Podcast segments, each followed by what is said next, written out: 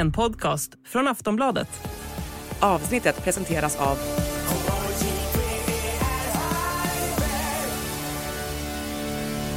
Stödlinjen.se, åldersgräns 18 år. Oh god. Let's do it.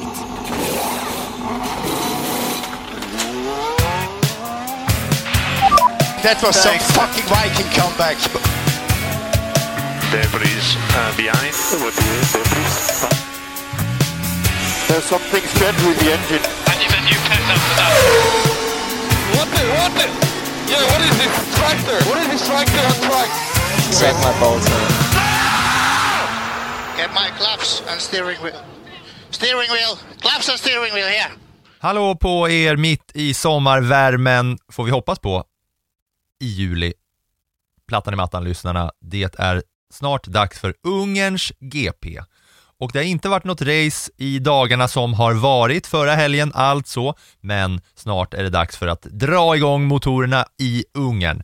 Och inför Ungern så vill vi köra ett litet specialavsnitt på 20-årsjubileumet av en av Formel 1s stora ikoner och hans första F1-seger.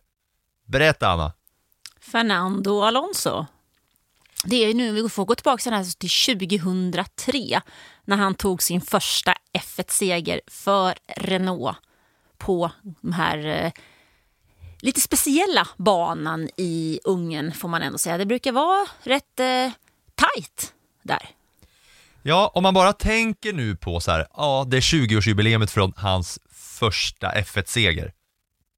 Men om man tänker på vart, alltså han har ju varit, han är ju en konstant, han är ju en, han är ju liksom ingrodd i F1. Det, F1 körs inte utan Fernando Alonso. Trots att han har varit borta i ett par år ändå. Liksom. Han har ju kört andra saker. Han har ju kört Indy och han har kört eh, VEC och han har kört Rally Dakar. Men ändå känns ju han som en, en fundament i Formel 1 eh, med tanke på att han, eh, herregud, han har funnits med där sedan i mer än 20 år egentligen.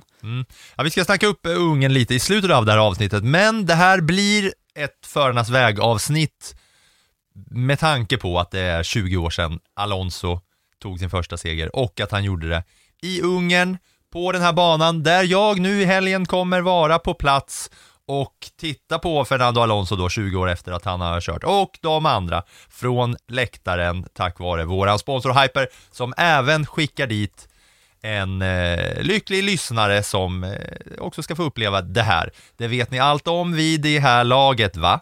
Men eh, jag tänker bara så här, alltså man vet ju så här att ja, Fernando Alonso han har kört länge i Formel 1, Lewis Hamilton har kört länge i Formel 1, men bara för att sätta i perspektiv hur jävla länge sedan det var. Alltså 2003.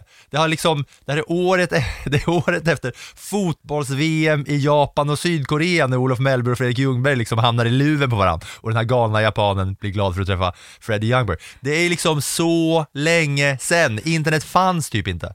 Ja, Nåja. Eh, men alltså 2000, Typ inte. ja, men 2003, Sportbladet fanns typ inte. Sportbladet fanns. Ja, Sportbladet typ funnits sedan inte. 2000. Ja, ja, jag vet. Alltså hur är det med att räkna tillbaks? Typ. Ja, men du 2003, det var ändå 2001 som han startade sin F1-karriär, så han har varit med ännu längre. Och 2001, ja, vad var det då för år? Jo, det var året efter OS i Sydney. Det var det år som jag flyttade till Tyskland och nu har jag hunnit flytta hem också. Det var Det var då han gjorde debut alltså i Minardi. i Minardi. Ja, att bara ens Minardi, att ta Minardi F1 i munnen, det är också så här en tidsstämpel. En tidsmaskin. Ja, Idag har det hunnit, teamet hunnit byta mina namn några gånger. Numera heter det ju Alfa Tauri. Det var det som sen blev Toro Rosso. Så att det är ju ett Red Bull-team idag. Det var det ju inte då. Då var det ett litet italienskt team som, ja, men där man kunde testa liksom, unga förare. Det är galet länge sedan alltså. I och med att han har haft en så lång karriär, Fernando Alonso, så känns det som att man vill, för att hinna med ett helt avsnitt om Fernando Alonso och även lite snack om Ungerns GP i slutet av det här avsnittet, så känns det som att man vill liksom kasta sig in i F1-karriären direkt, för att den är så lång. Men vi har ju ändå börjat alla de här Förarnas väg-avsnitten med någon slags bakgrund och uppväxt och det krävs ju även här för Fernando Alonso, för att den är ju också speciell på sätt och vis, för att han började köra gokart när han var tre. Han var faktiskt tre år. Jag vet att vi pratade faktiskt om det där, han och jag, vid tillfällen när vi eh, träffades i Ja, redan börja, början Du har ju träffat Alonso massa gånger. Ja, det har jag gjort. Eh, det har jag gjort. Eh, våra F1-karriärer, höll jag på att säga, startade ungefär samtidigt. Ja, förutom att du startade på toppen och håller dig kvar på toppen, men han startade sig på botten och liksom tog sig upp till toppen. och ner igen. Ja, Och upp igen. ja, medan du har varit konstant. Ja. Motorexperten på Sveriges största och bästa tidning. Ja, men du har ju träffat den där eh, rackaren, men inte när han var tre år gammal och körde go-kart i alla fall. Nej, det gjorde han inte, men vi har träffat, träffat honom och pratat om det faktiskt. Eh, och han eh, berättade då, det var i början av hans karriär, det var i eh, Frankrike, i eh, Paris tror jag vi pratade om det första gången. Eller kan det ha varit... Nej, nu får jag leta tillbaka i minnet. Det var faktiskt på Enstone eh, i eh, Renaults fabrik innan han vann sin eh, första VM-titel. Eh, som jag hade möjlighet att intervjua honom och eh, Flavio Briatore också faktiskt. Eh, vi var inne i fabriken där och fick kolla runt och se hur det är i en F1-fabrik. Och den ligger, alltså, den ligger verkligen utslängd. När man åker dit så åker man av motorvägen och in på engelska landsbygden och över liksom medeltida broar. Det kutar fasaner över vägen. Får man möte så får man ju... Ja, det är jobbigt att köra på vänster sida av vägen och det är ännu jobbigare att få möte. På de vägarna kör sedan liksom lastbilar på väg till F1-helger. Det där fick jag absolut inte ihop överhuvudtaget. Det kändes som att hade jag stuckit ut fingret från den minibussen som vi åkte så hade jag liksom haft handen i väggen på de här gamla husen. Så kommer man fram till Renaults fabrik där och i alla fall så berättade han då för mig om de uppoffringar som hans familj hade gjort. Hans eh, farsa hade väl egentligen gjort ordning den där go-karten till hans syster. Mm, det är en liten rolig detalj i det här, att farsan ville ha en hobby tillsammans med sina barn, så han fixade en go-kart till syrran. Mm, och hon är ju då fem år äldre. Men hon tyckte inte att det där var kul överhuvudtaget, så hon la ner. Men Fernando tyckte att det var kul. Problemet var väl att han inte nådde ner till pedalerna. Nej, så där fick de liksom bygga om den där direkt. Jag skulle säga att det är ett bra syskonpar. Hon blev liksom välutbildad doktor, eh, syrran, och han själv eh, blev Formel 1-förare med hjälp av den där go-karten som syrran inte ville ha, ville ha. Han heter alltså Fernando Alonso Diaz. Alonso farsan och Diaz är morsans eh, namn. Han är född 1981 i Oviedo. Och det är ju som du säger en arbetarklassfamilj som han kommer ifrån. De hade ju inte den här eh, ja, som många andra F1-förare har när de är små, maximal budget och kunna göra precis vad de vill, utan han fick den här go-karten när han var tre, syrran ville inte köra bilen som farsan hade byggt, farsan heter Louise, eh, och sen då fick han liksom i de där unga åren, han fick liksom dispens många gånger för att han var för ung.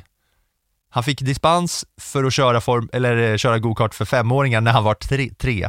Och sen när han var lite äldre, 7-8, så fick han dispens för att köra liksom kraftigare maskiner. Så 100 kubikare fick han köra när han egentligen skulle få köra 50 kubikare bara, för att han eh, körde så pass mycket. Men de hade lite också så här att eh, det är ju att finansiera, köra go-kart. Och de hade ju ett sånt exempel är att eh, du behöver ju blöta däck och du behöver eh, torrdäck för att köra, men de hade inte råd att finansiera både för slicks och blöta däck. Så när Alonso var liten och körde go-kart så fick han lära sig köra på vått underlag med slicks för att de inte hade råd att köpa de eh, liksom wets. Mm, fast det kan ju också ha varit en otroligt bra utbildning. Vi har pratat så Det är, det, det är himla... det jag tänker. Vi har pratat så himla många gånger om hur viktigt det har varit för nordiska förare och även för eh, en sån som Gilles Villeneuve att börja köra på snö och is och sladda.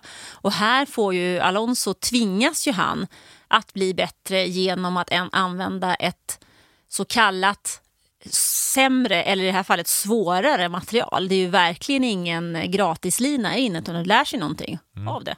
Det är som den klassiska nick nickträningen när man, när man ska nickträna i fotboll och får på sig en 11 kilos väst som man ska öva nickar med. För då känns det när man sen får spela match på riktigt utan den där västen och ska hoppa upp och nicka, då känns det som att man flyger. För att man, test, man liksom tränar med tyngderna. Eh, och precis är ju en sån här grej då som, eh, som vi pratade om, vi, så, vi har snackat om det med Villeneuve som körde på skoter och sen de som körde på is, att det är svårare och då blir det så himla lätt sen när det, när det väl eh, fungerar. Så där fick jag ju lära sig mer. Eh, mer bara så här, den ekonomiska bakgrunden, morsan sydde också själv hans racingdräkter. Så de fick han liksom, eh, ja, de, medan han växte rent fysiskt så, så sydde morsan allt som han hade på sig eh, själv också. Eh, men eh, han blev ju bra i gokart snabbt och började vinna grejer och redan i tidig ålder så såg man att han, att det var någon eh, racingtalang som fanns här. Spansk juniormästare i karting 93 till 95 och sen så eh, så började då gokartkarriären och den är väl inte jättemycket att prata om för det är ju många som har, som vi har pratat om i F1 som, som gör det bra i gokart och tar sig vidare upp.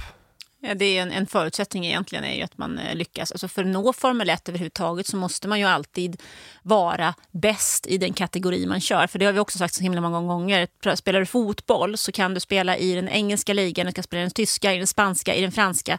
Du kan spela i eh, USA, du kan spela i Saudiarabien, du kan spela på väldigt många ställen och bli proffs och tjäna mycket pengar. Inom Formel 1 finns det 20 platser i hela världen för att ta sig hela vägen dit så måste man slå bort väldigt många andra på vägen. Mm. Och det finns 340 olika underklasser där, där det är liksom 45 pers i varje serie och då måste man vara bäst i dem och sen ta sig vidare till nästa och vidare till nästa. Hans väg till Formel 1-stolen då.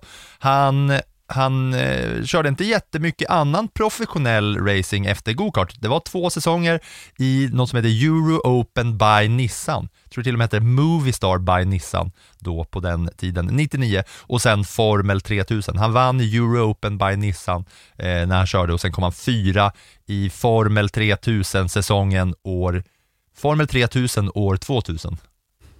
Där kom han fy, fyra eh, bakom ja, i, ja, Mark Webbers kom trea den eh, säsongen. Och sen var det Minasian och Junqueira som var bättre där. Några for, namn som vi känner till? Mm, Formel 3000, det som vi från svenska delar eller sidan känner till bra när det gäller Formel 3000, det är ju att det är den serie som Björn Wirdheim faktiskt vann. Den serie som idag heter Formel 2, eller motsvarande Formel 2, som var under då Formel 1. Så det var ju sista steget så att säga. Mm, men eh, ja, det, det vinner han. Eh, jag tror det här Euro Open by Movistar Nissan också var eh, liksom single seater, vad heter det, Formel Bils Racing. Eh, och sen Formel 3000, det är så jävla bra att köra Formel 3000 år 2000. Mm, tusen på det. Det var det sista han gjorde innan då han hamnade i Formel 1. Det är ganska snabbt ändå. Det är många andra karriärer man ser så här, som kör massa olika, olika eh, organisationer i flera år. Ja, men du får ju tänka på att det här var ju faktiskt på forntiden. Ja, alltså det här ja det är, är på 90-talet ja. Ja, det här är alltså förra århundradet. Fattar du hur gammal ja. han är? Ja, det är fan sant. När Alonso senast körde racing innan han hade kört Formel 1 så var det förra århundradet. Ja. Ett annat sekel, ja. ett annat liv, en annan formelbilssatsning. Mm. Men eh, det känns ändå som att det finns så mycket i hans F1-karriär och eh, snacka om, så vi tar oss ändå till hans första säsong i Formel 1 år 2001 i teamet då, som hette Minardi. Mm. Det är ju det teamet som jag sa som idag heter Alfa Tauri. Det är samma fabrik i, eller samma område som man har sin fabrik i, som är Faenza. Det var det som innan hette då Scuderia Toro Rosso när de köpte Minardi. Minardi var ett litet eh, italienskt privatstall och Red Bull köpte det och döpte om det till Toro Rosso för att ha sina B-förare där. Och det var ju så, om man går tillbaks tidigare, så fanns det ju såna här mindre stall där man kunde starta sin karriär i. Marcus Eriksson startade i något som heter Caterham som också gick i konkurs. Det är inte heller något stort team. Eh, Michael Schumacher startade i något som heter Jordan och han räddade det teamet från konkurs när han gick vidare till Benetton. Så att det... Seven Up. mer, mer känt som 7-Up-teamet. Ja, reklam för 7-Up. Men det fanns många sådana mindre team i F1. Det gör det ju inte idag, för idag är det ju en annan miljardbusiness. Man liksom. känner att man, jag skulle vilja ha så här, du vet om man kollar på, eh, ja men typ Beck-filmer och deckare när de är på polisstationen och de har såna här tavlor där de drar streck mellan eh, förövare och de misstänkta och alla offer och grejer för att koppla ihop saker. Jag skulle vilja ha en sån gigantisk tavla som på, på, med samma typ av trådar kopplar ihop alla team som har funnits. Det finns här, ser du. Ja, Säger jag och pekar på huvudet. ja. det skulle jag det skulle jag vilja ha och kunna, kunna liksom se de här raka parallellerna. För när man pratar om Minardi så, bara, så det du kopplar upp då bara, japp, det är de som är Toro då vill man ju se vägen. Minardi sätter man en nål då i Italien, så drar man en nål någon annanstans till någon annan och sen en nål vidare, så har man då en hel sån här karta över alla de här klassiska Men du, ja, men du kan ju dra Minardi, kartan då till eh, Toro Rosso och sen så pratar vi då om någonting som heter Benetton där han hamnar sen. Eh, eller Renault, Renault. som Precis. tog över Benetton. För det är, det var det jag ska säga, det- det som är det gamla Benetton som vi pratar om när vi pratar om Michael Schumacher till exempel och Flavio Briatore. Det är det som sen blir Renault. Och idag så är det det teamet som heter Alpin. Och däremellan har det teamet hetat Lotus. Så där är också en sån här äh, steg för steg för steg. Där har liksom Alonso varit mer bestående egentligen än teamet.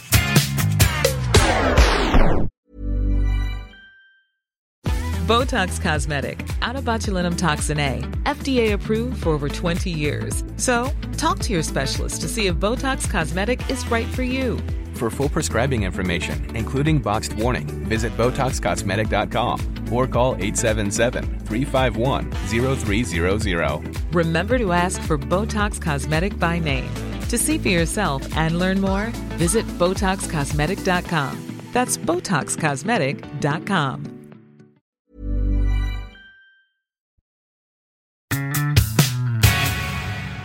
Men du, Minardi då, och Fernando Alonso när han kommer dit. Han kommer in med lite mm, halvbuller och bång, det är ju ingen dundersäsong direkt, men i Australien så blir han den tredje yngsta någonsin där och då. Det har ju ändrats efter det, att eh, starta ett GP. Då fanns det bara två stycken som hade varit yngre och de hette Mike Thackwell och Ricardo Rodriguez. Men du ska ju komma ihåg det att Menardi är ju det här läget inget bra team. Utan det är ju verkligen ett, en start, liksom ett start, det det är en start på en karriär att börja där. Eh, det kan ju lika gärna, ett år där är ju någon slags, får man ju se sen, hur bra är man? Vart går man vidare? Mm. Det är noll poäng i alla fall för eh, men något annat hade ju varit en jättesuccé kan vi säga. Ja men det var väl, alltså, det är topp 6 som får, jag vet inte om det var topp 6 där 2001, men jag gissar på att det var topp 6 som fick poäng 2001. Han blir alltså, om man bara rabblar snabbt hur det gick för han den säsongen, 12, 13, DNF, DNF 13, DNF, DNF, DNF 14, 17, 16, 10. DNF did not start nästa 13, DNF och 11. Så han är ju uppe på liksom och nosar på tionde placeringar i alla fall, även fast eh, det inte var några poäng där. Noll poäng och eh, ja, totalt då 23 eller vad det kan räknas som. Ja, det var de sex första fick poäng. Jo, men han går från, han går från att vara, han har en sån här klassisk väg egentligen, från Formel 3000 till att bli testförare, till att göra ett år i Minardi, då när han är 19 är han väl va? Eftersom han fyller år mitt i sommaren. Och sen så går han därifrån eh, med hjälp av sin manager Flavio Briatore. Hade han Briatore så där tidigt redan alltså? Där var han ju snabb på att och liksom sätta klorna i en ung talangfull förare, Briatore. Briatore hade även Mark Webber. Mm, det hade han en, en blick för i alla fall. Ja men Briatore, om vi nu gör lite sidospår, så är det ju så att Briatore har ju de här åren där han är teamchef för Benetton. Men sen när Michael Schumacher går vidare till Ferrari så lämnar han liksom F1 och blir lite mer manager samtidigt som han ägnar sig åt nattklubbar och, och lite sådana saker. Och sen eh, under de här manageråren då så hittar han då några guldkorn, Webber och Alonso då, bland annat. Och ser till att de kommer in och när han själv då, Briatore, kommer tillbaks till F1 och Renault, för Renault tar över Benetton, så ser han till att Alonso blir testförare där. Så han har ett år i Minardi, sen får han sitta på avbytarbänken igen. Innan han kommer till Renault. Renault-teamet som tog över Benetton 2003 där han ersätter Jenson Button. Precis. Eh, 2003 är han ju för, 2002 är han ju testförare för Renault. Mm, och spänd, eh, och, och då får liksom göra, göra sina mil som, eh, som testförare alltså. Ja, på den här, det ska man också komma ihåg att på den här tiden så kan du verkligen prata om att göra sina mil Mm. som testförare. För då var det ju fria tester. Du kan köra mycket som helst ja. Ja, men alltså det kunde ju vara så att det låg till och med testperioder under säsongen där man hade testdagar där de låg på Barcelona och bara körde, körde, körde, körde mil, mil, mil, mil, mil på ett sätt som vi inte är ens i närheten av idag. Och för det har man strupit av kostnadsskäl. Och så får man köra simulator istället. Det är ändå, man blir ändå lite nyfiken på att det, de har då, alltså om man jämför till exempel eh, Alonso och de yngre förarna Logan Sargent och, och gänget, att det är så helt olika världar som de har kommit in i Formel 1. Att om man tänker liksom de yngre som är, som är nu, gänget med Synoda och eh, Sargent och alla de här ungpojkarna, att det är så stor skillnad på hur många mil Alonso fick göra på bana jämförelse med de som kommer in nu, men ja, i deras första liksom, Ja, men ett det- år. Vilken skillnad det är! Ja men det är ju, det är ju, alltså då, på den tiden gick det ju att ta den här rollen som testförare som han hade hos Renault.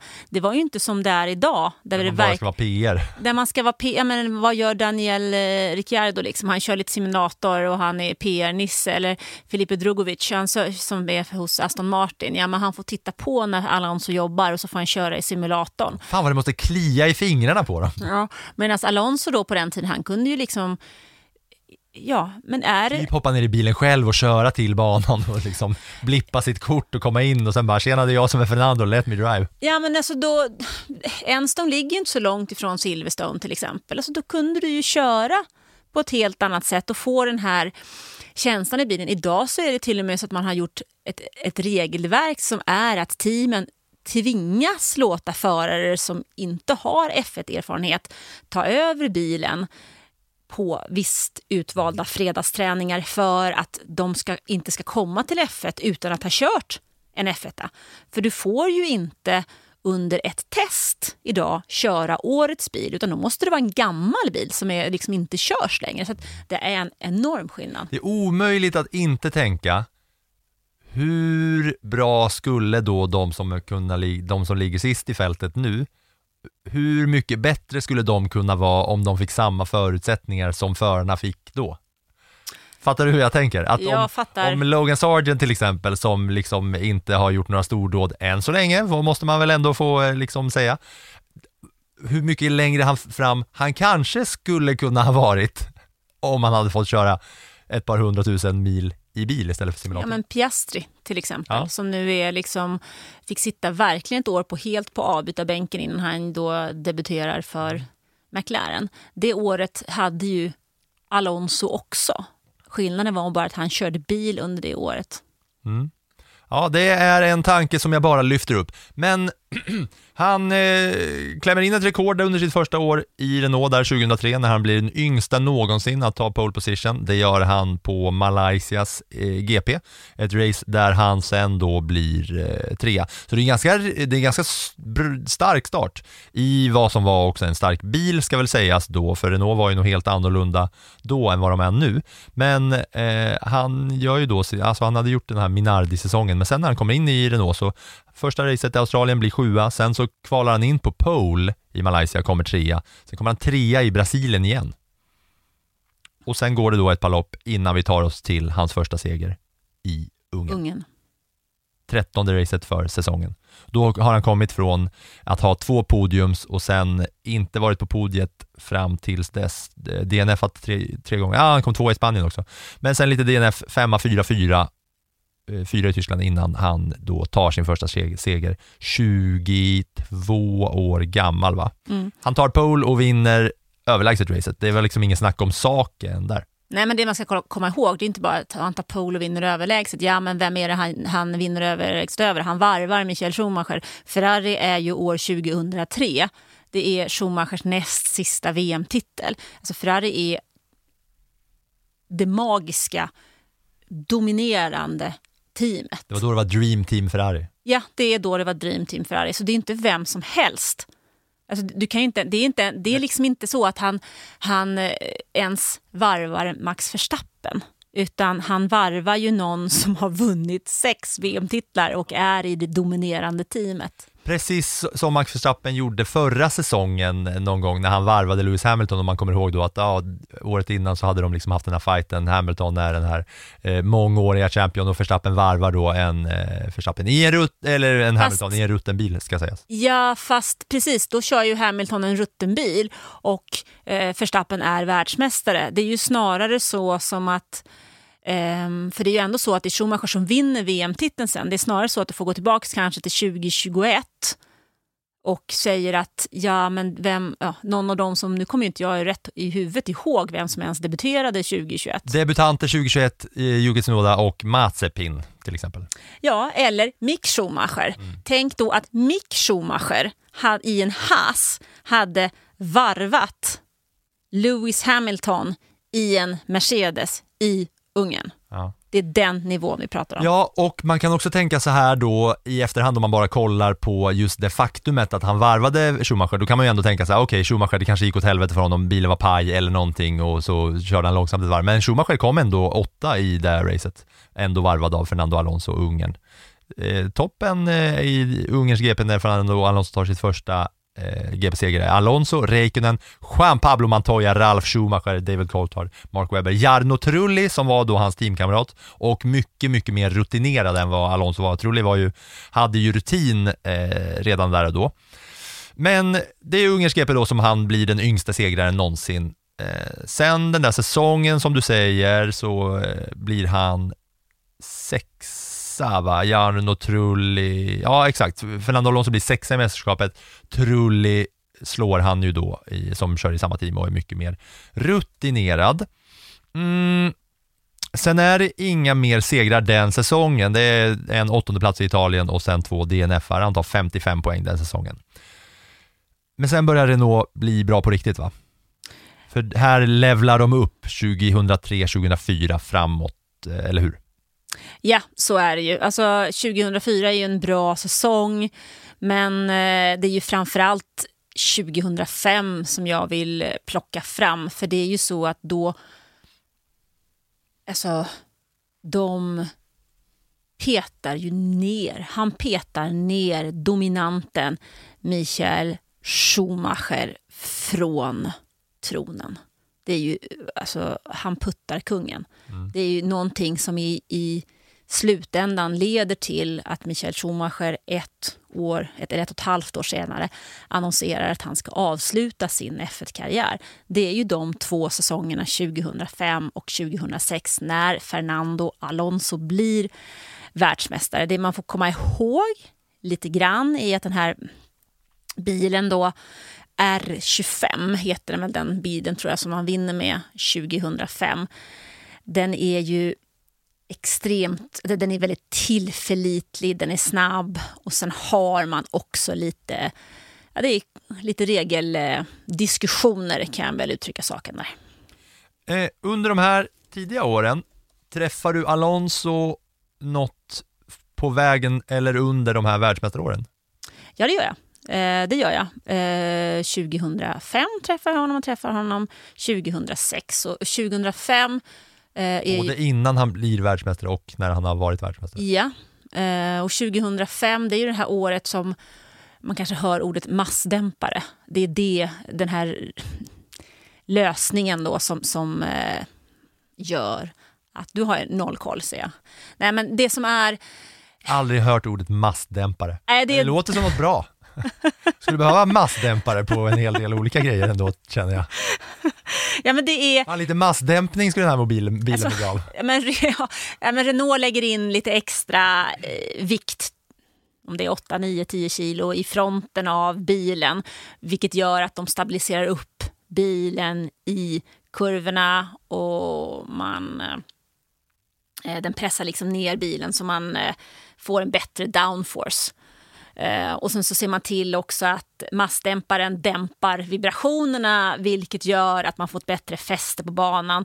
Och de här förbjuds sedan. sedan. Eh, men det är ju det efter det att Renault har hittat den här eh, regelkruxlösningen som gör att de petar bort eh, Ferrari från tronen. Och I det här läget så är ju Fernando Alonso egentligen en ganska mediaotränad kille. Alltså när man pratar med honom så, så tittar han en i ögonen och han ger väl schyssta svar. Ehm, och ja, han är, han är på väg upp. Sen får han ju lite smällar i karriären som gör att han under de kommande åren har det lite tuffare även med media. Men under den här tiden så är han en ja, rätt öppen kille när man pratar med honom. Man vill ändå eh, kolla på för att eh, han vinner ju ganska direkt, alltså det är ju en, det är en pangstart med den här Renault-bilen, eh, R25 då. Trea Australien och sen är det seger, eh, seger, seger direkt efter där. Mm, Renault kommer ju då, alltså det är Fisichella som vinner eh, racet, Australien och Alonso trea så det är Renault, Ferrari, Renault som är på, på pallen första racet. Och sen är det då Alonso vinner Malaysia, Alonso vinner Bahrain och eh, Alonso vinner San Marino där tre, i- tre i rad. Så det är ju en, det är ju en pangstart. Ja men det är det ju. De, de kan ju verkligen eh, tacka mycket av sina framgångar för de här, eh, den här lösningen som de hittar som vi kallar för massdämpare. Det är ju lite grann som om man tittar lite längre fram i historien, typ eh, den dubbla diffusorn, double diffuser, som kom 2009 med Braun. Alltså ibland så är det så att du hittar en lösning, en gråzon i reglementet som du kan nyttja Som man är först på. som sen- man är först på och då drar man fördel av det och det kan hålla i en, två säsonger. Sen kommer en regeländring och säger nej, så här får vi inte göra. Då stryps den vägen. Då Eller han, att alla andra kommer efter också och upptäcker samma sak. ja, det är ju lite sånt. Och där var ju Renault först. Mm, något mer under den där första säsongen då som, som ändå blir hans eh, första världsmästartitel när han går från då en liksom stor F1-stjärna till att bli herre på täppan så att säga. Alltså det är ju en säsong som han eh, fightas med Kimi Räikkönen. Faktiskt. Kimi Eh, Räikkönen kommer tvåa den säsongen. Ja, det, är ju, det är ju så att de där två minns man ju eh, den trubbiga Kimi i den silverfärgade bilen som har ehm, vissa problem med hydrauliken om jag nu minns rätt.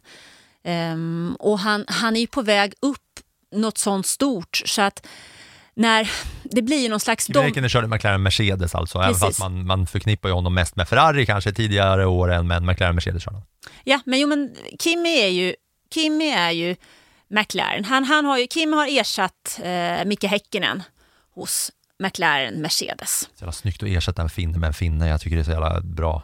Ja, och sen så hamnar vi då, det sa jag ju precis att när, när Alonso och Renault plockar bort Ferrari och Mich- Nu är vi här och drar dina tåtar igen. Ja, jag vet. Ehm. Jag ska fan, nu ma- jag, när jag fyller 40 om sex år, då önskar jag mig en stor tavla med trådarna klara. Eh, men Ferrari och Michael Schumacher eh, ramlar ner från tronen. Eh, Ferrari behöver en ny förare, letar efter någonting efter den store. De ser finländaren Mika Häkkinen som har varit riktigt, riktigt bra hos McLaren. Och det är, hon- det är den de värvar. Då behöver McLaren någonting. Då skriver de tidigt kontrakt med Fernando Alonso. Det är den dubbla världsmästaren till 2007. Och de stoppar då honom i sin bil tillsammans med rookien Lewis Hamilton som kommer underifrån.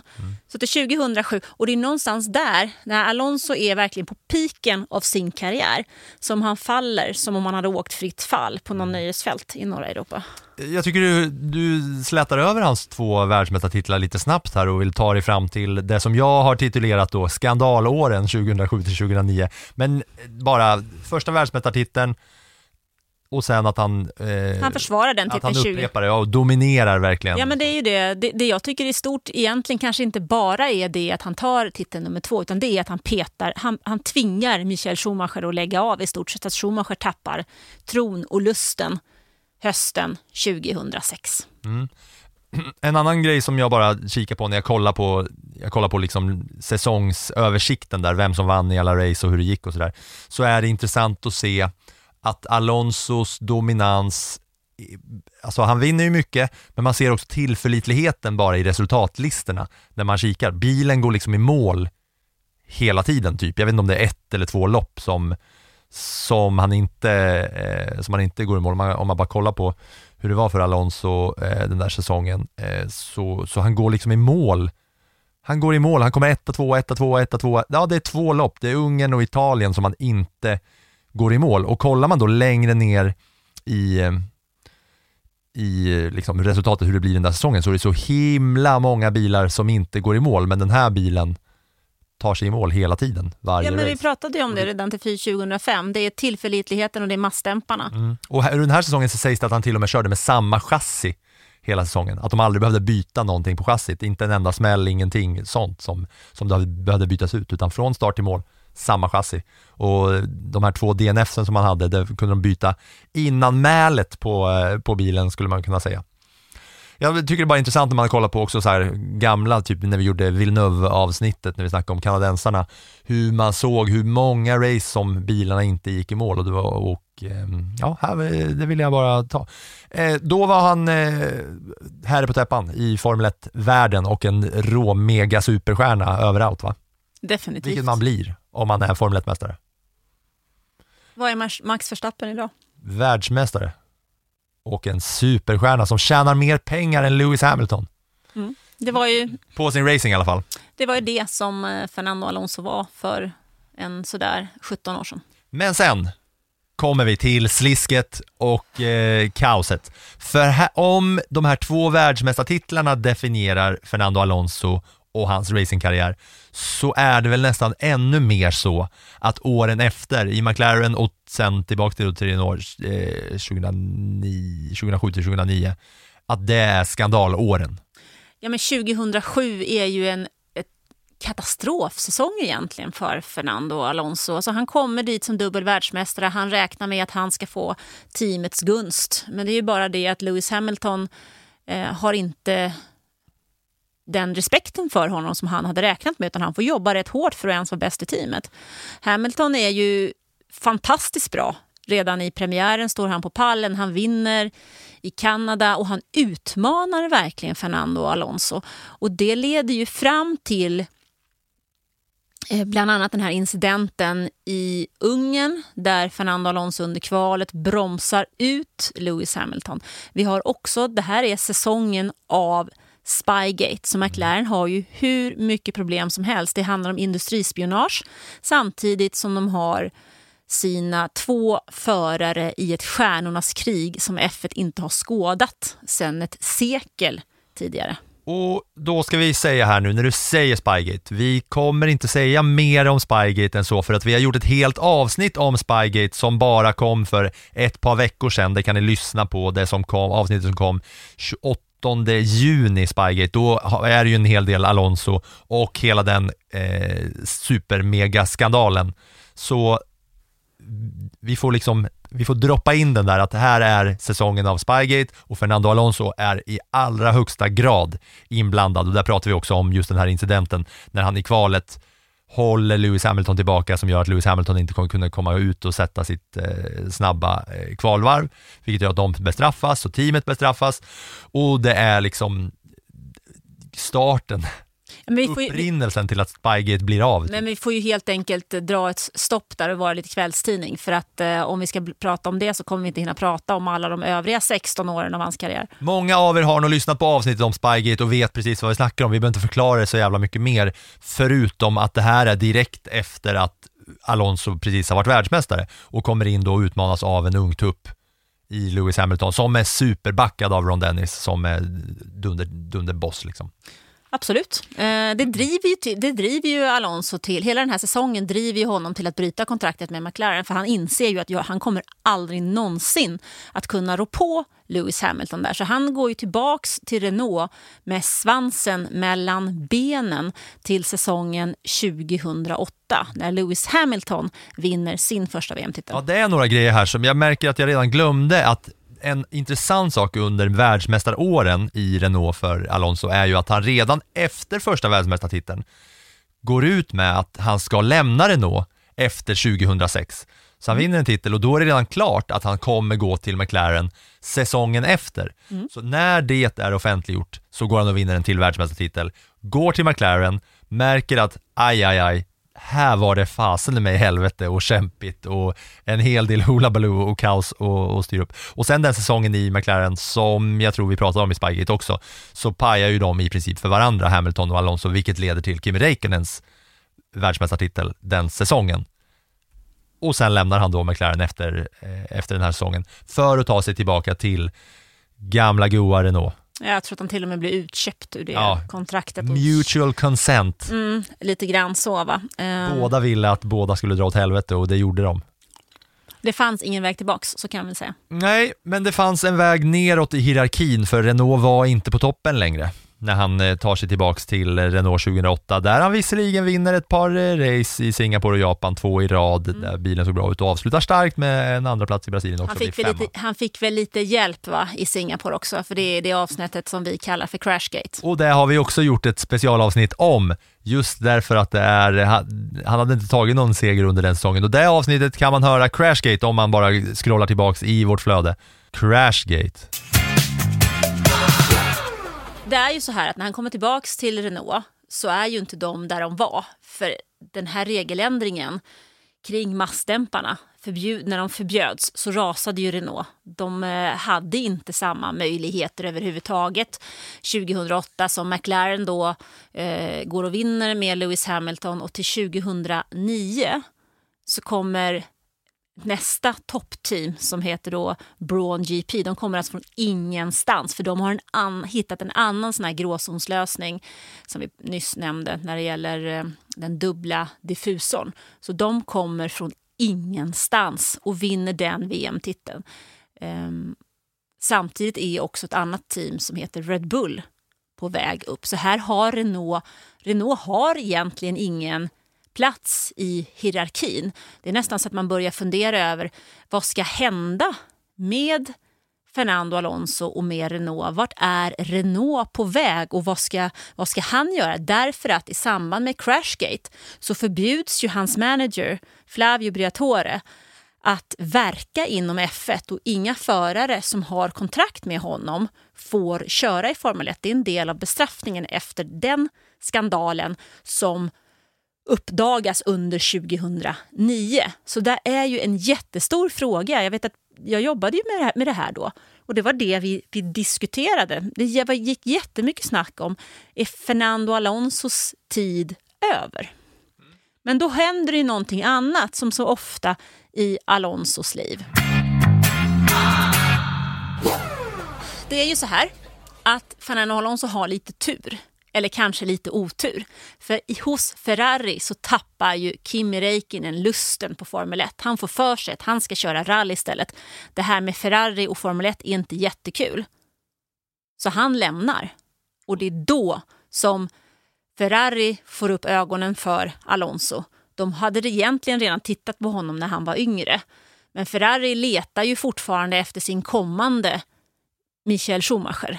För de vet, är ju också väl medvetna om att den titeln som Kimi Räikkönen vann var ju inte bara för att Kimi Räikkönen var duktig 2007 utan det var ju också för att McLaren...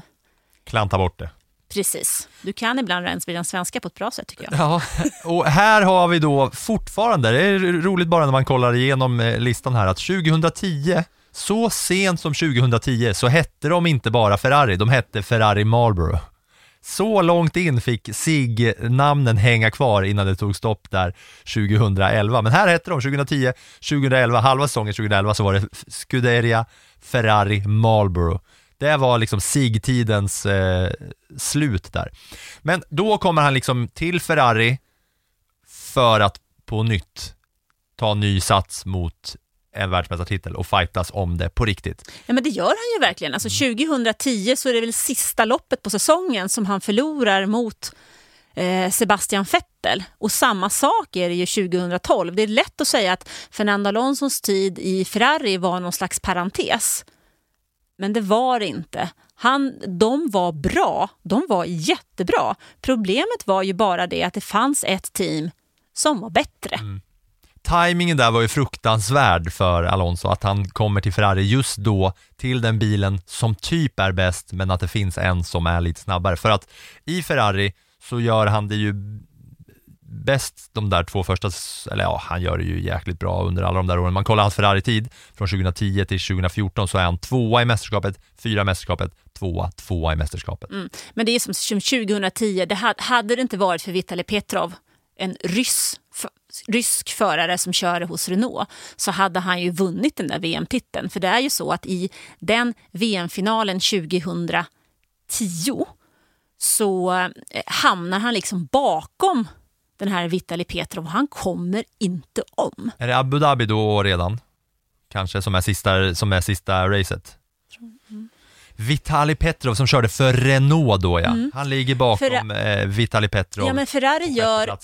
Ferrari gör ett strategifel. Har du hört det förut? Jag tror jag har sagt det ganska många gånger själv också faktiskt vid det här laget.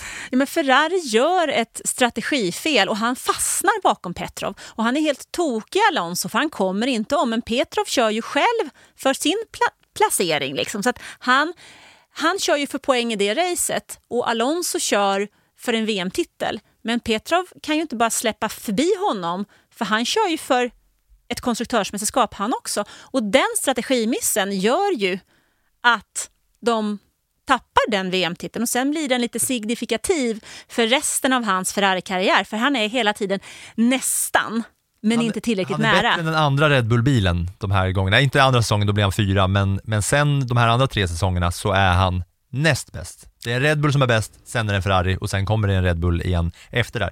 Han är alltså bara fyra poäng bakom Vettel i eh, världsmästerskapet säsongen 2010 i den där Ferrarin. Mm.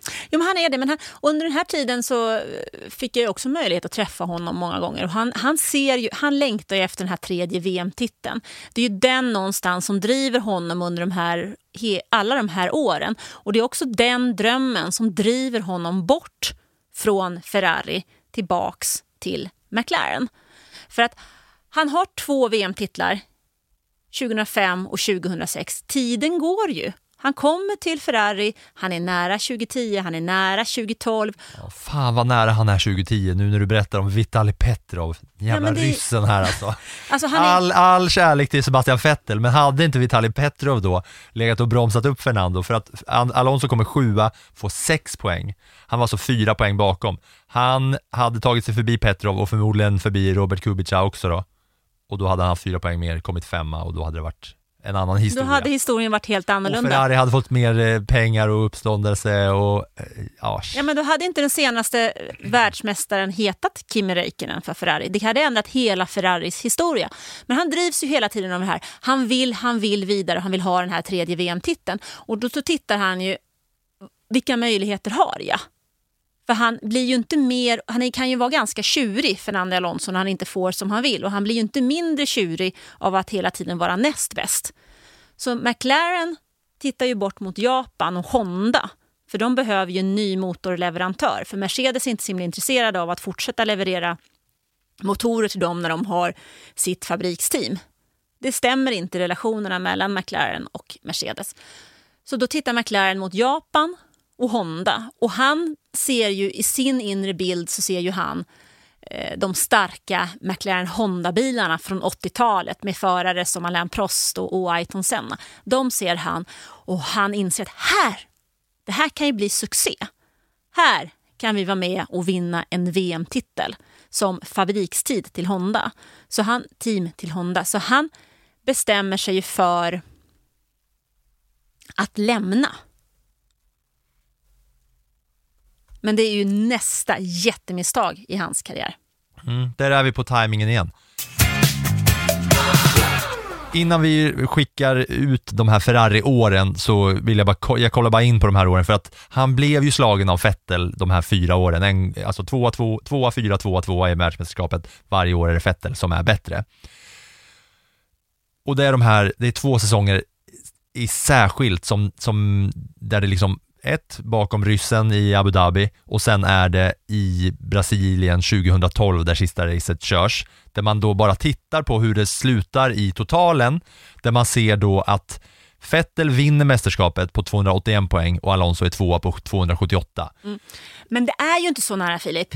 Vettel kommer sexa, Alonso tvåa och då när man bara tittar på siffrorna så bara, just det, hade Fernando Alonso vunnit racet i Brasilien så hade han vunnit mästerskapet när Vettel ändå kom sexa. Ja. För han fick 18 poäng, skulle fått 25 och då hade han vunnit. Men här vill du stoppa mig för att Ja, det är då Vettel du- gjorde sjuka grejer. Ja, men det är då du glömmer ju bort historien. Hade du tänkt på vårt avsnitt när vi pratar med Red Bull-konstruktören tidigare i år så berättar ju han om hur de satt där, hela gänget från Milton Keys och tittar på racet och plötsligt ser hur Vettel blir påkörd av Bruno Senna och står med nosen åt fel håll och har halvtrasig bil men kör som en gud genom fältet. För det det, här... Ja, det ska man ge han alltså. Ja, hade han inte, och det är också så här, nu är vi vid mormors buss igen. Va? Men vi får väl, välkomna. För hade, hade, hade Alonso vunnit, fine, men då kanske inte Vettel hade blivit påkörd och hamnat i den situationen där han liksom är hur långt efter som helst och står med näsan åt fel håll och sen måste köra genom fältet. Så att jag tycker inte att den säsongen är lika nära. Det ser nära ut. För att han är 2,7 sekunder bakom Jenson Button att vinna racet. Ja, han är 2,7 sekunder bakom, men hade inte Fält. Fält, Vettel blivit påkörd. Jag tycker den andra, hans första säsong hos Ferrari 2010, där de själva gör det här strategifelet så att, att de tappar titeln, den är mycket, mycket närmare. Här måste han ändå liksom både, både sträcka ut armen och stå på tå och hade hoppats att, att Vettel gör den missen. För när vi gick in i det racet Ja, så var Vettel, så var, låg han Fett, långt före så var Vettel före. Och där kan jag säga att där hade man ju, även om han står på fel håll, så hann jag ändå skriva världsmästartexten innan bilarna var i mål. Så det var bara att trycka på sändknappen. Liksom. jag, återigen, jag har sagt det förut när vi gör de här förarnas vägavsnitten, jag älskar att bli upplärd ifrån olika synvinklar. För jag själv blir påmind, jag, jag stirr, man är liksom, det är ju tunnelseende på Fernando Alonso nu det här avsnittet och liksom researchen som jag har fått göra inför det här. Men när man då kastas tillbaka till, ja just det, här, och då, då har jag liksom Fernando Alonso-glasögonen på mig. Han är bara 2,7 sekunder från att vinna mästerskapet. Sen blir man påmind, men kommer du inte ihåg när vi kollade på Sebastian Vettel? Och då kommer jag ihåg alla de här klippen som jag kollat på Vettel när han snurrar runt och han gör den där uppkörningen. Och jag vet hur jag själv såg med mina Sebastian Vettel-ögon när vi pratade om de grejerna. Ja, det är, det är kul. Jag gillar att, och det är återigen här, kartan med att dra ihop nålarna på de olika platserna för att vidga mina egna vyer va. Nu kan vi lämna Ferrari och ta oss in på liksom slutet fram till nutid, för det känns som att det här kan man typ snabbspola eh, rätt mycket mer än vad vi gjort fram tills nu va? Förutom sabbatsåren. Let's go! Och han går då från en, när han liksom avslutar karriären i Ferrari 2014, en sjätte plats eh, och tar ändå 161 poäng. Men sen går han då, som du säger, McLaren Honda, som är helt snett på det, för att den här bilen går typ aldrig i mål. Han tar 11 poäng under hela säsongen, Alonso, och det är ett rätt stort liksom downhopp, downforce, downhopp. Han hoppar ner rätt rejält från att liksom alltid ta poäng till att två gånger den här säsongen, Storbritannien blir han tia, Ungern, ja återigen Ungern här som vi ser fram emot i helgen, blir han femma. Ja, men sen är det den här, det är den här säsongen när han, alltså han öser väl skit över en Honda-motor över radion och för den japanska tillverkaren så är det en, alltså det är en sån förnedring. Så att de, de vet ju inte riktigt vad de ska, hur de ska hantera situationen. Huvudet av med samurajsvärd skulle de eh, tänkte de. Ja men typ, och det finns en bild från Brasiliens GP där ha, bilen går sönder och han sitter sig i en sån här solstol och bara kollar på De bilderna har sett. Och så ser han andra bilar där och så blinkar han in mot kameran och kör tummen upp och njuter av att inte köra. Ja men lite så va, så det är någon slags ständig kamp där mellan honom och Honda. Och han, Ja men det är ju mörka år här bara. Jag, jag vet inte om man ska liksom hänga kvar i de här säsongerna för att det är väldigt mycket bilar som inte tar sig i mål och Alonso som är liksom 17 i mästerskapet, 10 i mästerskapet 2016, 15 i mästerskapet 2017 och 2018 11 eh, då. Och det är väl här som man är som tröttast på att köra F1 för att här är, är det liksom det finns inga ljusglimtar i sikte för eh, vår vän från Spanien. Nej, han börjar ju sikta och titta mot andra saker och jag vet vi har någon slags eh, presskonferens pressmöteaktigt, inte en presskonferens för så mycket folk är det inte i det här presstältet eh, som vi sitter i. Men eh, han sitter längst fram, vi har ungefär hur mycket såna här eh, telefoner och diktafoner som helst som ligger där. Och han har börjat fundera över han har väl kört ett Indy 500 och han börjar fundera över fler och han börjar snegla mot väck. För han börjar, alltså World Endurance Championship, för han börjar titta efter möjligheter att kanske göra andra saker och han funderar över den här Triple Crown of Motorsport, alltså vinna Indy 500 och vinna Le Mans 24 timmars lopp. Och jag vet att jag ställer frågan till honom, för han vill kombinera Formel 1 och väck då. Ja. Ja, men, ja, redan innan du är inne på Indycar där, förlåt om jag stoppar dig, men han, han, att han är trött på F1 ser man ju redan 2017 när han struntar i Monacos GP. Ja, men för att han, köra Indy 500. Det känns som att det är startskottet för hans, liksom, ja, nu, nu är jag inte sugen på F1 längre. nej, men han börjar någonstans där och fundera och där har ju McLaren gör ju ett samarbete med dem, jag tror att det är Andretti eh, Motorsport för att han ska kunna köra den Indy 500 där. Och sen så där bryter han ju också med motorproblem om jag inte minns helt fel. Jo, exakt. Eh, ah, Men det är imponerande ändå, från att ha kört Formel 1-bil i så många år, skita i helt och hållet, strunta i Monacos GP för att köra Indy 500 istället. Han är snabbast i första kvalet och sen när, i slutgiltiga så han startar fyra när Indy 500 börjar. Han ledde i flera varv och sen så la Honda motorn av när han var på sjunde plats.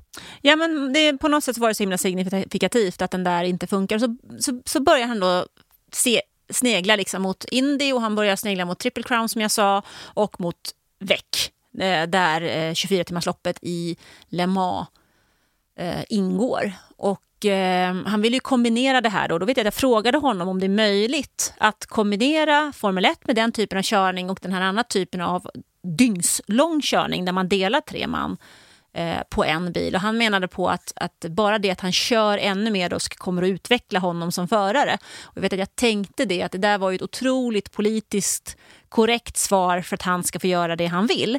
Men någonstans så kände jag väl ändå när man satt där att ja, det här är väl ett fint sätt för honom att försöka förhala sin tid och göra klart det kontraktet han har med McLaren för att han inte ska tappa några inkomster på det samtidigt som han letar efter någonting annat för han var så otroligt trött på F1. Och när Alonso den här gången sa farväl till Formel 1 så gjorde han det med ett inlägg på sociala medier. Härifrån Twitter 2018 när han lägger upp det här inlägget och skriver Dear F1. Riktigt billigt midi-pianospel till eh, lite halvknackig spansk eh, engelska från Alonso här när han försöker kärleksförklara till Formel 1. You were not expecting me, and I wasn't sure I wanted to get to know you. When I barely knew how to walk, I ran towards your noise, your circuits, without knowing anything about you. We had very good times, some unforgettable, others really bad. We have played together against incredible rivals. You played with me, and I learned how to play with you too. I have seen you changing, sometimes for good, and sometimes, in my opinion, for bad. Every time I close the visor of my helmet, I feel your warm embrace, your energy. There is nothing like it. But today, I have some of the bigger challenges that those you can offer me. And this year, while still driving at my best, is how I want to remember you. I can only be grateful to you and to the people that are part of you for having introduced me so many cultures, traditions, languages, wonderful people, for having been my life. I know you love me, and be certain that I love you too. Och sen så testar han ju på de här grejerna innan han sen tar sig tillbaka. Vill du säga något mer om sabbatsåren eller att eh, det är väl halvunikt ändå att ta paus och komma tillbaka? Ja, det gjorde ju Kimi Räikkönen gjorde ju också Ja, det, exakt. som också hade en lång eh, karriär. Nej, men jag tror att genom att han gjorde det och körde andra typer av bilar, han testade andra typer av bilar, framförallt då eh, det här med 24 timmars racing, så behöll han ju körförmågan och han fick nog också ett bättre självförtroende för att han, han vann faktiskt VM i veck. Han vann en VM-titel och kände att det här är, jag kan fortfarande köra bil. Och jag tror att det är någonting som han har haft med sig. För när han sen då på sociala medier bara säger typ I'll be back eller någonting sånt, I'm back eller någonting liknande. Eh, skriver han kontrakt med Renault igen, så är det ju Renault som är räddningsplankan på väg in i F1 tillbaka sen så ändrar Renault namn till alpin. Men det är med Renault han skriver i första kontraktet. Det är väldigt mycket så här fram och tillbaka bara, liksom hoppa i säng med gamla ex för Alonso. Ja, men lite så är det kanske. Men han, där någonstans hittar han ju glädjen igen. Så jag tror nog att de där åren var rätt nyttiga för honom. Det var inte så att han klev, klev av och blev tv-expert. Utan han klev ju av, gjorde någonting annat, hittade glädjen, hittade passionen och hittade känslan av att jag vill 17 någonting mer. Och jag tror att han ser de här åren sen han kom tillbaks till alpin och där han nu är eh, i Aston Martin Det går bra. där det går bra så är det ju ändå någonting som lockar honom med framtiden. Han ser det som en bonus. Han vet ju att han inte har tio år kvar. Men han känner också en glädje av att kunna jobba. Han får ju otroligt mycket beröm för det sätt som han jobbar och så engagerad som han är. Men killen har ju inget annat än Formel 1. Han avverkar ju flickvänner snabbare än någon annan. Det är tv-stjärna hit och tv-stjärna dit. Eh, han har inga barn. Hans liv är racing. Sen han var tre år gammal och satte sig i en gokart. Ja. Även fast han kanske kickade lite boll där emellanåt och sprang i kyrka två, tre gånger. Vilket han Ja, men- gjorde i katolsk familj. Men han har sagt att han eh, inte tror på Gud i alla fall. Det är imponerande. Men han är ju, alltså han har ju snart lagt 40 år av sitt liv på racing. Så det är det han kan och det han vet. Så han ser väl det här som någon slags positivt och vill nu uppleva hur långt kan han ta Aston Martin. Där Vettel som lämnade då var trött och ville ha mer tid med sina barn och sin familj. Den dragkraften har inte Alonso. Han drömmer om att stå på en prispall igen. Allra, allra högst upp. Och det har vi sett att eh, han liksom är där och nosar under den här säsongen, bland annat Monaco när han kommer tvåa och sätter ena foten då på, när Max Verstappen står högst upp, Fernando Alonso sätter vänsterfoten på högsta pallen också när de tar det liksom bilden där. Jag tycker bara det är intressant om man kollar på den här säsongen, redan efter då, alltså efter alla de här åren, sen Ferrari-tiden, så bara efter 1, 2, 3, 4, 5, efter sex race, efter Monacos GP, då, då har han alltså tagit flest F1-poäng sedan han körde Ferrari i Aston Martin den här säsongen. Nu har vi kommit mycket längre än så och det finns lite andra eh, grejer att snacka om sådär. Men här snackar vi om hans karriär och så vidare. Han, du snackar ju om åldern där såklart. Det finns ju, han har ju en hel del rekord, men bland annat så är det ju ett rekord som kommer bli svårslaget, det är ju att han är den som har genomfört flest varv någonsin genom Formel 1-historien. Han är en av sex förare vid dags datum som har tagit över 100 podiums. Mm, och sen så finns det lite andra eh, statistik och sådär. Andra grejer. Jag, jag har lite, lite andra små, små korta nedslag i Fernando som är lite utanför racingen som kan vara kul, intressant fakta. Vill du höra? Absolut.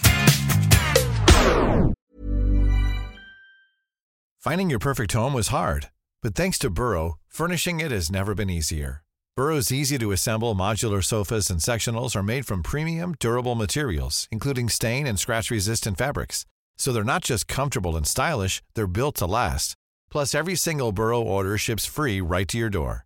Right now, get 15% off your first order at burrow.com slash ACAST.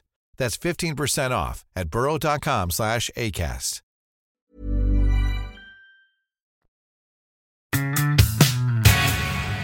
Lite andra random grejer om Fernando Alonso som man kanske inte visste. Det är ju bland annat då eh, till en av världens bästa filmer genom tiderna, Cars. Den kanske du har sett eh, någon gång, Life is a highway med Cars. En av anledningarna till att jag själv eh, har country som min absoluta favoritgenre och eh, spenderat mest tid med Rascal Flatts i mina lurar någonsin. Du, jag har faktiskt bakat en eh, prinsesstårta i form av eh, Lightning McQueen till min son när han fyllde fem.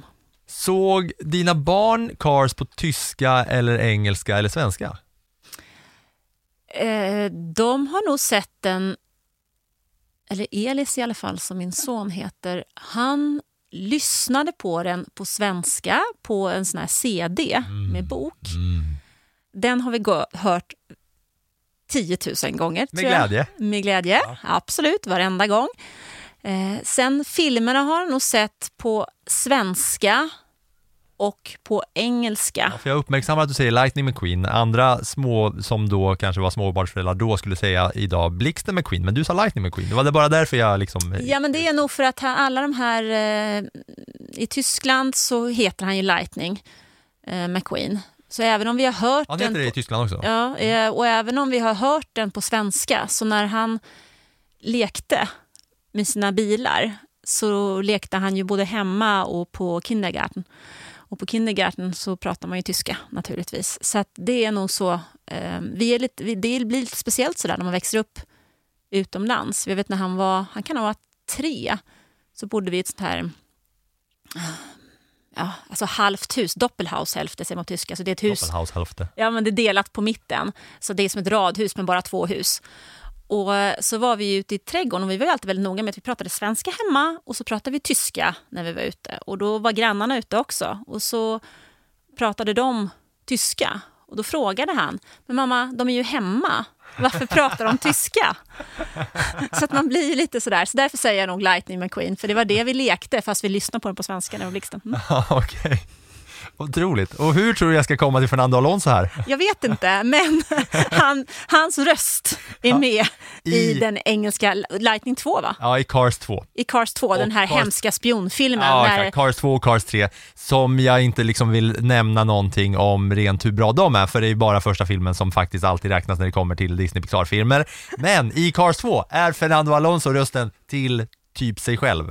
Och det är några andra F1-förare också. Ja, och han, eh, Vettel är med. Ja, exakt. Han återkommer i 3 också på den spanska versionen och liksom är sig själv. Det, var, det är lite halvkul ändå. Sen har vi ju sett kepsen Kimoa va? Den ser man alltid på Fernando Alonso. Och så tänker man, ja vad kan det vara? Kan det vara någon racing? Men det är hans egna märke faktiskt. Det är hans egna modemärke som är liksom, ja det är lite allt möjligt. En, eh, de har en fysisk affär i Spanien tror jag, Sen, annars är det som man beställer ja, grejer online. Kan- Vi gör absolut inte reklam för dem utan vi bara nämner det här rent faktamässigt. Det här märket är också anledningen till att det tog slut med tjejen som heter Lisa Morselli som han var ihop med. För att hon var också co-founder till det här märket. Alonso ville sälja, det ville inte hon och sen blev det liksom lite, ja, det blev bråk som eh, slutade med eh, skilsmässa där, eh, om det var hon som han var gift, nej han var inte gift kanske, men jag vet fan, han har varit gift och förlovad med lite den ena och den andra. Det vet vi om Fernando Alonso, charmören. Eh, så är det med det märket i alla fall, det kan ni tänka på när ni ser, han går ju alltid runt med Kimoa-keps, det är hans egna märke som han då alltid har liksom sett till att det syns i samband med de eh, eh, stallen han kör för, det har ju varit på hans bilar också. Han är en cykelälskare, eh, han, är både, han älskar cykling och eh, han, eh, under en träningstur blev han påkörd av en bil 2021 och fick operera käken, liksom rekonstruera käken i en operation. Så med två titaniumplattor inopererade i, i käken fick han, ja det blev en rejäl smäll där, 2021, ganska nyligen ändå. Sen är det också så att Fernando Alonso har någonting som kallas Poland syndrome och det är ju något som man inte känner till, men det är en muskelsjukdom som gör att man föds eller att man har liksom olika mängder muskler på båda sidor. Så ser man Fernando Alonsos torso utan tröja så är bröstmusklerna helt sneda. För det, det vill säga att den ena bröstmuskeln, bröstmuskeln är hel och den andra är inte det. Så att han är liksom muskulärt snedställd i kroppen, Fernando Alonso, med den här sjukdomen som man inte vet så mycket om. Eller som gemene man inte vet så mycket om. Intressant va? Ja, och vill man veta mer om Fernando Alonso kan man besöka hans museum. För det har han ett i Spanien där han har typ 350 olika prylar. Allt från den första go-karten till alla andra möjliga minnesvärda saker från hans karriär. Vill du dra något, du är lite bra på kärleksslisk, eh, det droppar upp ibland. Du har dragit upp kärleksslisk på Hans, Heinz Harald Frenzen och på Max Verstappen och Kviat. Eh, Det finns väl kanske lite att säga. Det var ju i år tidigare var det massa rykten om Taylor Swift och Fernando Alonso, där det såklart inte var någonting eh, som, som, som blev stort, men det finns ju, han är ju, som sagt, han är en charmör. Han har väl avverkat ett antal av de olika eh, kvinnliga tv-presentatörerna som finns i depån. Så mycket kan jag säga. slisk, alltså glider fram där och raggar på en tv-programledare. Liksom, det känns så jävla konstigt. Jag själv är ju ute och gör en del tv-intervjuer. Nu säger jag inte att jag är någon charmör alla Fernando Alonso och framförallt har jag haft sambo i liksom tio års tid. Men jag tänker bara vad sjukt det skulle vara, och så nu vet jag att jag är man också, det är en helt annan sak, men jag tänker bara vad sjukt det skulle vara om jag märkte att jag intervjuade en idrottare som liksom raggade på mig. Jag skulle tycka att det var så jäkla konstigt. Men Fernando Alonso verkar vara vardag, för han har, som du säger, han avverkar avverkat en och annan. Vill du avslutningsvis eh, säga något annat, kanske hyllande eller hånande av Fernando Alonso och hans långa karriär? Ja, hans F1-karriär är ju oerhört lång. Men jag måste, någonstans är jag ändå lite imponerad över hur han har tagit sig tillbaka. Någon, alltså, de här åren 2005 och 2006 när han och Renault plockar bort Michael Schumacher från tronen, de är ju de... Egentligen så är det ju väldigt, väldigt stort. Men sen så faller han ju. Och någonstans där så tänker man när han lämnar, efter, den här solstolen och när han lämnar Formel 1 så tänker man att ja, men det var väl det sista vi såg av honom. Men den, den kraft som han måste ha levererat och den eh, otroliga sinnesnärvaro och målmedvetenhet, målmedvetenhet som han tar sig tillbaks till Formel 1 och lyckas prestera det som han har presterat med Aston Martin i år. Även om säsongen skulle vara slut efter Monaco, hans inledning, även om de rasar hela hösten, om de efter sommaruppehållet här inte tar mer än en poäng, typ. Nu tror jag inte att det är så, men om det skulle vara så, så tycker jag ändå att hans comeback för att Aston Martin är minnesvärd. För han visar en annan mognad och framförallt målmedvetenhet. Det är imponerande för en så pass stor idrottsman så jag är nästan beredd att glömma Honda-åren. Och framförallt, vi har inte sett det sista av honom va? Det tror jag inte. Han har ju ett kontrakt som är på flera år med Aston Martin. Vad det betyder, det kan vara två år, det kan vara tre år. Jag vet inte. Eh, de där kontrakten får vi ju aldrig se. Men han kommer säkerligen att hänga kvar en stund till. Och så som han har levererat i år så kan jag tänka mig att det krävs rätt mycket för Aston Martin innan de ber honom att gå. För det är inte nog med att han levererar på banan och kör skjortan av sin eh, teamkompis Lance Stroll. Han hyllar alltid Lance Stroll på ett sätt som man funderar över hur gick det där till? Men det kan ju ha någonting med plånboken att göra. Nu lämnar vi Fernando Alonso och kort, kort, kort bara kollar på vad vi har framför oss den här helgen. Där ni nästa vecka säkert kommer få höra lite ljudinslag live ifrån Ungerns GP på Hungaroring. Nej, men det, man, det man kort kan säga om Ungerns GP, för vi har pratat så mycket om Alonso, så det vi vill ha med oss där, det är att den första racet kördes 1986 och det som var lite speciellt då var att det är det första racet som körs bakom järnridån. Då var det fortfarande ett öst och ett västeuropa. Ehm, och det här är ett race där det ofta är väldigt, väldigt varmt. Det brukar vara otroligt svårt att köra om. Vi kan minnas hur Fernando Alonso bromsar under ett nästan helt race för att hans dåvarande kollega Esteban Ocon ska vinna sin första seger i Ungerns GP. Och jag eh, kan också säga att själv har jag ju bränt av 60 varv på, på Hungaroring när jag också körde simulator som jag gjorde inför Indy 500, men det kommer finnas ett inslag uppe på sportbladet.se också där man kan se mig köra och uppleva Hungaroring. Så jag har ju den här banan i skallen nu och vilka växlar som man ska köra så att liksom jag är helt inne, jag är extra taggad på att se det här racet just för att det här är i liksom nutid en av de banorna som jag själv när jag kör tv-spel och simulator kör bäst. Mm. Men notera då om du ser Lewis Hamilton den här helgen och han skulle råka ta en seger så tar han sin nionde seger på den här banan och då blir han historisk. Mm. Ja, nej, men då säger vi tack för den här gången. Ska jag berätta för er Anna att det är raksträcka fram, så växlar man ner till tvåan helt runt, så går man upp ganska snabbt där, tar sig hela vägen ner, växlar ner till trean och svänger vänster innan man ska upp till fyran. Och sen ska man hålla en skarp högersväng fyran. Innan man går upp till sjuan, då gasen bara ner till sexan. There's something strange with the engine. A new after that. Åt det, åt det!